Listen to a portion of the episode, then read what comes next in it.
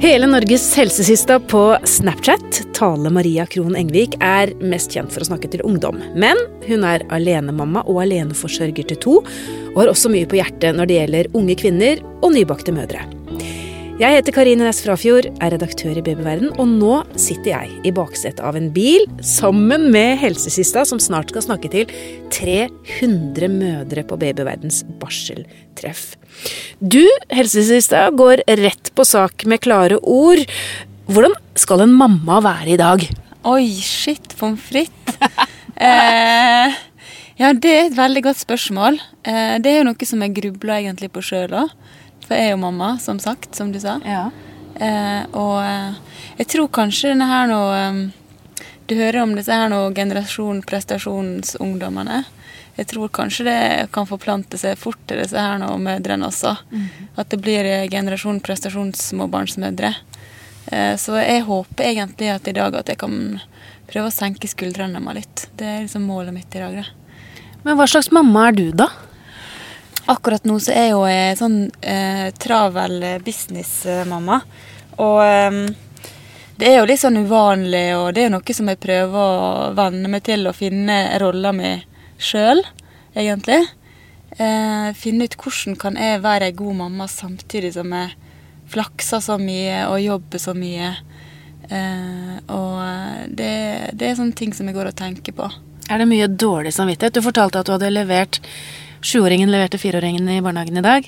Ja. Er det sånn som kan være litt vanskelig? Nei, det er ikke vanskelig, for at jeg ser hvor stolt eh, sjuåringen min blir av å få lov til å levere lillebroren sin i barnehagen. Eh, men jeg spør henne jo på forhånd er det greit at du leverer Antonio i dag. Så blir hun kjempestolt. Ja, det vil hun. Eh, men jeg kan få mer dårlig samvittighet over at, det, at jeg på en måte er veldig Jeg elsker jobben min så mye. Eller det er egentlig ikke en jobb, det er liksom mye mer enn det. Eh, og så har jeg lyst til å jobbe nesten hele tida. Sånn at det, i tillegg så tror jeg jeg er litt avhengig av mobilen. Det, det er du sikkert ikke helt alene om. Nei, sånn at jeg, jeg merker at jeg, eh, at jeg For jeg driver og øver meg på å legge vekk mobilen når jeg er sammen med barna, for da tenker jeg da skal de oppleve at nå er jeg sammen med dem. Eh, og så merka jeg at plutselig så har jeg sneket meg rundt hjørnet når de ser på barne-TV, og, og liksom sjekker mobilen og sånn. Eh, og det er sånn jeg tenker Nei, uff. Nå må jeg liksom skjerpe meg og legge frem mobilen. Eh, og være liksom sammen med dem og se på barne-TV. Fordi at det, eh, De syns kanskje det er kjekt at jeg sitter med dem og ser på barne-TV, selv om kanskje ikke jeg syns det er så kjekt alltid. Eh, samtidig så er jeg veldig opptatt av å Jeg har liksom tenkt på hvordan mine egne foreldre var når jeg var liten. Eh, og de var ikke sånn som drev og leika med oss eh, når vi var små. Og krøyp rundt på gulvet og holdt på med figurer. og sånn. Det gjorde vi og søsknene mine alene. Jeg har jo fire søsken. Eh, og jeg har jo, mine barn har jo ikke iPad hjemme hos meg. De har det hos pappaen sin. Eh, og mm, de har ikke telefon ennå. Og jeg, jeg, har liksom, jeg prøver å få dem til å eh, finne på ting sjøl, og at ikke jeg alltid skal være den som aktiviserer dem. Og, eh, men at de må, de må nødt til å lære seg å bruke kreativiteten sin. Eh, og lære seg å ja, Hvordan skal de håndtere at de kjeder seg? da? For det tror jeg kanskje mange barn som vokser opp i dag, de blir underholdt hele tida. Eh, og jeg lurer på Er det liksom bra? For det Jeg tenker jo at grunnen til at jeg får til det her nå, er fordi at jeg sjøl hadde en barndom der jeg ble tvunget til å liksom være kreativ og finne på ting sjøl. Og mamma de sa liksom nei, nå må dere gå ut og leke, og dere får ikke komme inn før det er middag. Og så prøvde vi å komme inn, så nei, det er ikke middag ennå, nå må dere være ute. Eh, sånn var det i all slags vær. Og, og vi måtte, vi bygde liksom treetasjer sitte ute i hagen og i trærne og hadde et sånt svært nett mellom trærne som vi drev og hoppa i. Og lillebroren min han hadde en sånn liten gravemaskin sånn manuell som han drev og som han satt oppå med sånne håndspaker. Og så drev han og gravde. Og han gravde så mye ute i, i hagen at veien til naboen nesten rasa ut. eh, så vi jobba hardt ute i den hagen eh, hele barndommen. Og var utrolig flinke til å finne på liksom, ting sjøl. Og eh, Så jeg, jeg prøver på en eller annen måte å av og til å være litt, være litt sånn mor da, som ikke alltid skal underholde eller leke eller øh, ja. Ja. En annen ting som du er opptatt av, er det at mødre skal våge. Men hva er det vi skal våge? Våge å være, det er jo eh, slagordet til helsesista. Og det er et slagord som jeg liker så godt, for det bak våge å være så kan du putte så mange ting.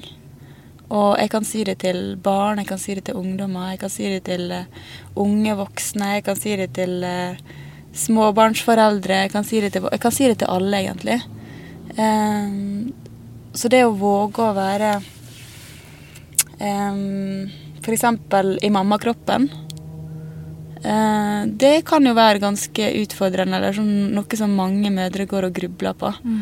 For det, jeg tenker å bli mamma, det er nesten som å Det er nesten en sånn tenåringsfase på nytt, med at det, du mister liksom kontroll over deg sjøl. Plutselig så ut, skjer det Altså, kroppen din eh, forandrer seg og vokser i forskjellige retninger og endrer seg, akkurat sånn som man gjør når man blir tenåring. Og det skjer også veldig mye inni det, som eh, akkurat sånn som når du blir tenåring. Som du på en måte Det er masse hormoner, og det er masse følelser, og det er en ny rolle, og eh, Og det er ganske Ja, det, det, det kan være ganske krevende. For da må du på en måte finne ut hvem er jeg nå, liksom. Og så er det vel mye press utenfra også. Ja, det er masse press. Og det er jo ikke bare ungdommer som opplever kroppspress. Det, jo, det gjør jo vi kanskje hele livet. Og vi går og sammenligner oss sjøl med andre. Eh, og kanskje tenker mye på de tingene som vi ikke er fornøyd med, med oss sjøl. Og da kanskje spesielt hvordan vi ser ut, eller kroppen vår, eller alt vi ikke får gjort, eller Så vi går med veldig mye sånn negativt tankefokus som egentlig trykker oss langt ned. Eh, og det er sånne ting som jeg også tenkte å snakke litt om i dag. Vi skal høre mer om det å våge å være, for det er mye man eh, kan våge å være. Men aller først skal vi ta en eh, liten pause. Visste du at tidlig høytlesning, helt fra barnet er nyfødt, pangstarter språklæringen? Barn og babyer som blir lest for, utvikler språk og hjerne på en annen måte enn barn som ikke blir lest for. Godboken er bokklubben som tilbyr barnet ditt riktig bok til riktig tid, som engasjerer og bidrar til språkutviklingen. Se første bokpakke til barnet ditt på godboken.no. Det å våge å gjøre mange feil, helsesista, det er du også opptatt av. Ja, det er kjempeviktig. Jeg har gjort eh, masse, masse feil i livet. Og jeg ser jo egentlig ikke på det som feil, jeg ser på det som erfaringer som jeg har lært noe av. Eh, ved at jeg har liksom valgt, valgt feil partner flere ganger i livet. og eh, Eller eh, ja.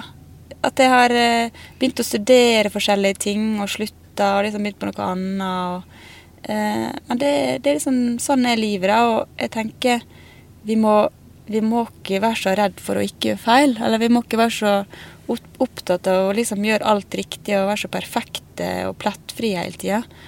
Og det tenker jeg gjelder både eh, oss sjøl som foreldre, men også hvordan vi ser på å oppdra barna våre. At vi må si til barna våre at det går ut og gjør masse feil. Og eh, det er så viktig, for det er sånn du lærer å bli sterkere og klokere inni det. Og så skal jeg være her og støtte deg, liksom. Når du kommer og har gjort dumme ting. Men når du snakker om at vi skal våge å være, så høres det jo så enkelt ut. Men det er jo ikke lett, f.eks. Du sier vi skal våge å be om støtte og hjelp. Men hvis man er i en vanskelig situasjon, så er det ikke alle som syns det kan være så enkelt alltid. Nei. Men det, hvis man tenker at jeg skal våge det, og så Det er noe som jeg kan øve meg på. Hvordan kan jeg øve meg på det, liksom? Kanskje jeg skal eh, finne ut først hvem er det jeg kan snakke med om noe som er litt vanskelig. For, jeg, for eksempel så Jeg liker jo å være personlig på den måten at jeg bruker meg sjøl som eksempel og eh, ting fra mitt eget liv. Eh, og så velger jeg veldig nøye ut hva jeg deler, og jeg er ikke privat. Men jeg kan jo si f.eks. at når jeg vokste opp Jeg hadde en veldig fin barndom. Eh, men vi snakka ikke så mye om disse her nå, de sånne vanskelige, eh, kjipe tinga. Eh, Og når jeg på en måte ble student, eh, så følte jeg at da hadde jeg gått rundt på videregående og egentlig hatt på meg sånn maske. Og spilt litt skuespill, og ingen som egentlig hadde visst hvordan ting jeg hadde gått gjennom, eller hvordan jeg hadde hatt det. Og så tenkte jeg at jeg, jeg må søren meg lære meg å bli litt sånn flinkere til å også dele de tingene som ikke bare er bra. For det at det kjenner jeg er vanskelig. Jeg vil helst bare fortelle vennene mine om ting som er fint eller bra, eller Og så syns jeg det var skikkelig vanskelig å fortelle når jeg ikke hadde det bra. Eh, og fortelle om ting jeg hadde opplevd. Sånn at da begynte jeg å øve meg, rett og slett. Eh, jeg bestemte bare at nå skal jeg fortelle om både ting som jeg har gått gjennom, og jeg skal liksom tørre å si det når Vet du hva, i dag, nå har ikke det så bra. Eh, nå har jeg det akkurat sånn og sånn. Men mange er kanskje redd for hvordan de rundt reagerer, da, når man er så ærlig. Ja, men da kan du prøve å tenke OK, hvis du er dem rundt, da. Eh, og så er du Hvis du er venninna di, og så kommer, kommer eh, du, som er en annen person, og forteller det et eller annet. Hvordan hadde du reagert som venninne, da? Så tenker du nei, det hadde jo vært greit, liksom. Da hadde jo jeg prøvd å være der og støtte og eh, sagt at det å, jeg skal hjelpe deg og støtte deg, og så fint du turte å si det her til meg. og... Mm. Så du, da må du prøve å sette deg i den andre sin situasjon da, og tenke Kanskje det hadde vært fint for den andre å fått lov til å være en sånn venn som kunne støtte deg. Eh, og kanskje, den, kanskje, trenger den vennen din også å lette opp litt, og da kan dere kanskje komme enda nærmere hverandre, da, hvis dere våger å, å være mer åpne og sårbare. Jeg tenker, jeg tenker på sosiale medier, nå du, hvor du er hele tiden. Men det er klart at vi viser jo alltid stort sett den beste siden av oss sjøl når vi legger ut bilder. Og dette med filter er jo veldig utbredt blant unge jenter. At vi legger ikke ut bilder av oss sjøl uten å ha tatt på et filter for å se best mulig ut. Ja. Og det er jo òg kanskje noe man uh, gjør for å ikke vise den sårbare siden av seg sjøl. Mm. Og jeg tror det er ikke bare unge som legger ut uh, bilder med filter, det er det også mange voksne som gjør. Eh, da blir man litt sånn glattere i huda ja. og kanskje litt smalere. Og man, eh, om man ikke har liksom orker å sminke seg den gangen, så får man plutselig naturlig masse løsvipper og alt mulig. eh, men det er, litt sånn, det er litt viktig å være litt oppmerksom på det. Mm. Hva, er det som, hva er det som gjør at jeg velger det her? Og eh, jeg tok jo når, jeg, når helsesista på en måte begynte å bli kjent over hele landet, så tok jeg det valget å droppe å bruke de filtrene. Eh, for det, de aller første snappene jeg la ut, da hadde jeg også det filteret. Eh, og så, eh, når, når helsesista spredde seg til hele landet, og jeg tenkte nå må jeg være et forbilde. Jeg kan ikke bruke det filteret. Men jeg elsker jo å bruke filtre på eh, brillefilter, eller hvis jeg skal så, Hvis jeg skal Sånn som i går, så jeg, skulle jeg plutselig være ei jente som var femteklassing. Så da tok jeg liksom det barnslige filteret med museflette og bare Æsj! Helsesøster vi skal gå hjem og se på tissen vår i speilet! Og For det går an med det i lekse når jeg hadde pubertetsundervisning i femte. Og da, da, er det jo fint å ha disse filtrene. Mm. Um, og så av og til, hvis jeg skal overdrive, så kan jeg jo liksom gjøre et poeng ut av det. Så kan jeg jo bruke disse noen filter med blomster i håret, og der man ser så veldig vakker ut, altså. Men du er ikke så opptatt av å gjøre deg penere enn du er? Nei, jeg tenker at jeg er veldig opptatt av å vise meg sjøl sånn som jeg er. Og noen ganger så ser de meg på Snap eh, med helt uten sminke og med fett, bustete hår. Der jeg sitter hjemme med bordet på stua, eller ligger på gulvet blant smuler, eh, eller synger god natt til dem fra sengekanten. Og så ser de meg kanskje neste dag supersminka, veldig flott, og går inn i et TV-studio etter henne. Sånn at da ser de De ser på en måte det som er ekte. da. Mm. De ser virkeligheten. De ser meg eh, Sånn er hun, liksom. Hun er noen ganger uten sminke, og noen ganger med sminke. og eh, ja, ten sånn, det tenker jeg er viktig. da. Hva slags tilbakemeldinger får du da fra de? Syns de det er bra? Ja, de syns det er veldig bra. Og de syns det er veldig bra når jeg legger ut bilde der jeg ikke bare ser så veldig pen ut, at jeg legger ut bilder med vinkler, sånn at jeg, jeg fremhever på en måte mest mulig dobbelthake, eller lager en grimase, eller eh, det, da sier de at jeg synes, da, sier de, da kan jeg få sånne meldinger der det står jeg syns det er så fint at du viser oss at, eh, at det er greit med å legge dobbelthake og mindre pene bilder. Um, så det er, en, det er, et veldig bevisst valg jeg tar, og jeg tenker at hvis flere tar det valget og bare Nei, jeg legger noe ut sånn som jeg ser ut, liksom. Eh, folk vet jo hvordan jeg ser ut uh, når de møter med ansikt til ansikt, så hvorfor skal jeg prøve å være noe penere eller se annerledes ut på bilder som jeg legger ut på nettet? Det er jo bare med oss å øke det presset, så andre også føler at de kanskje ikke ser bra ut, da. Mm. For det Eh, det er jo noen som sammenligner seg sjøl veldig, veldig med andre hele tida. Du har sagt mye klokt nå, men hvis vi skal oppsummere og gi et godt råd til eh, unge mødre som kanskje er litt usikre og strever med å finne sin plass i den nye rollen, mm. hva ville det rådet vært? Det er å huske på at det, eh, livet er på en måte i faser. Eh, og akkurat nå så er du i en fase der eh, du er småbarnsmor. Eh, du har ikke helt kontroll over hvordan kroppen din ser ut, hvordan følelsene dine opp, oppfører seg. Men det er ikke så farlig. Og er, nå er det liksom inne i en sånn boble, småbarnsboble, der det er vanskelig å holde fokus og en, en konsentrere seg i samtaler med folk. Og det er mye stress i forhold til at du skal Du har kanskje sovet lite, og du eh, Du har lyst til å gjøre alt mulig riktig. Eh, og da er det liksom bare å drite i at huset skal se perfekt ut. Eh, og det er bare å drite i at rumpa blafrer når du står på badet.